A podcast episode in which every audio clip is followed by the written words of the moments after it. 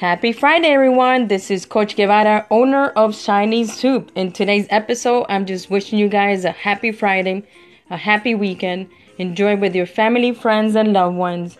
Enjoy the NBA playoffs and the NHL playoffs. By the way, yesterday was the first time in my 37 years that I watched a hockey game, let alone a playoff game. Yesterday, I watched the Tampa Bay Lightning uh, beat the I think the Washington four to two. I'm from Miami, so I've never been a hockey fan. Never watched a Florida Panther game, so I really wasn't into it.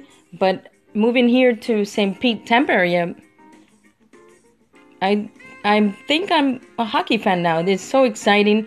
That game was amazing. I didn't know it was a fast-paced sport.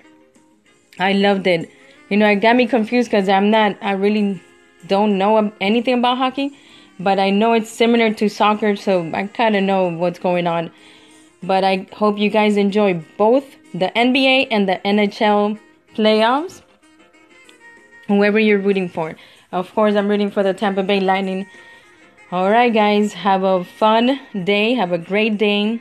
Smile, hug, and love everyone. Everyone deserves love.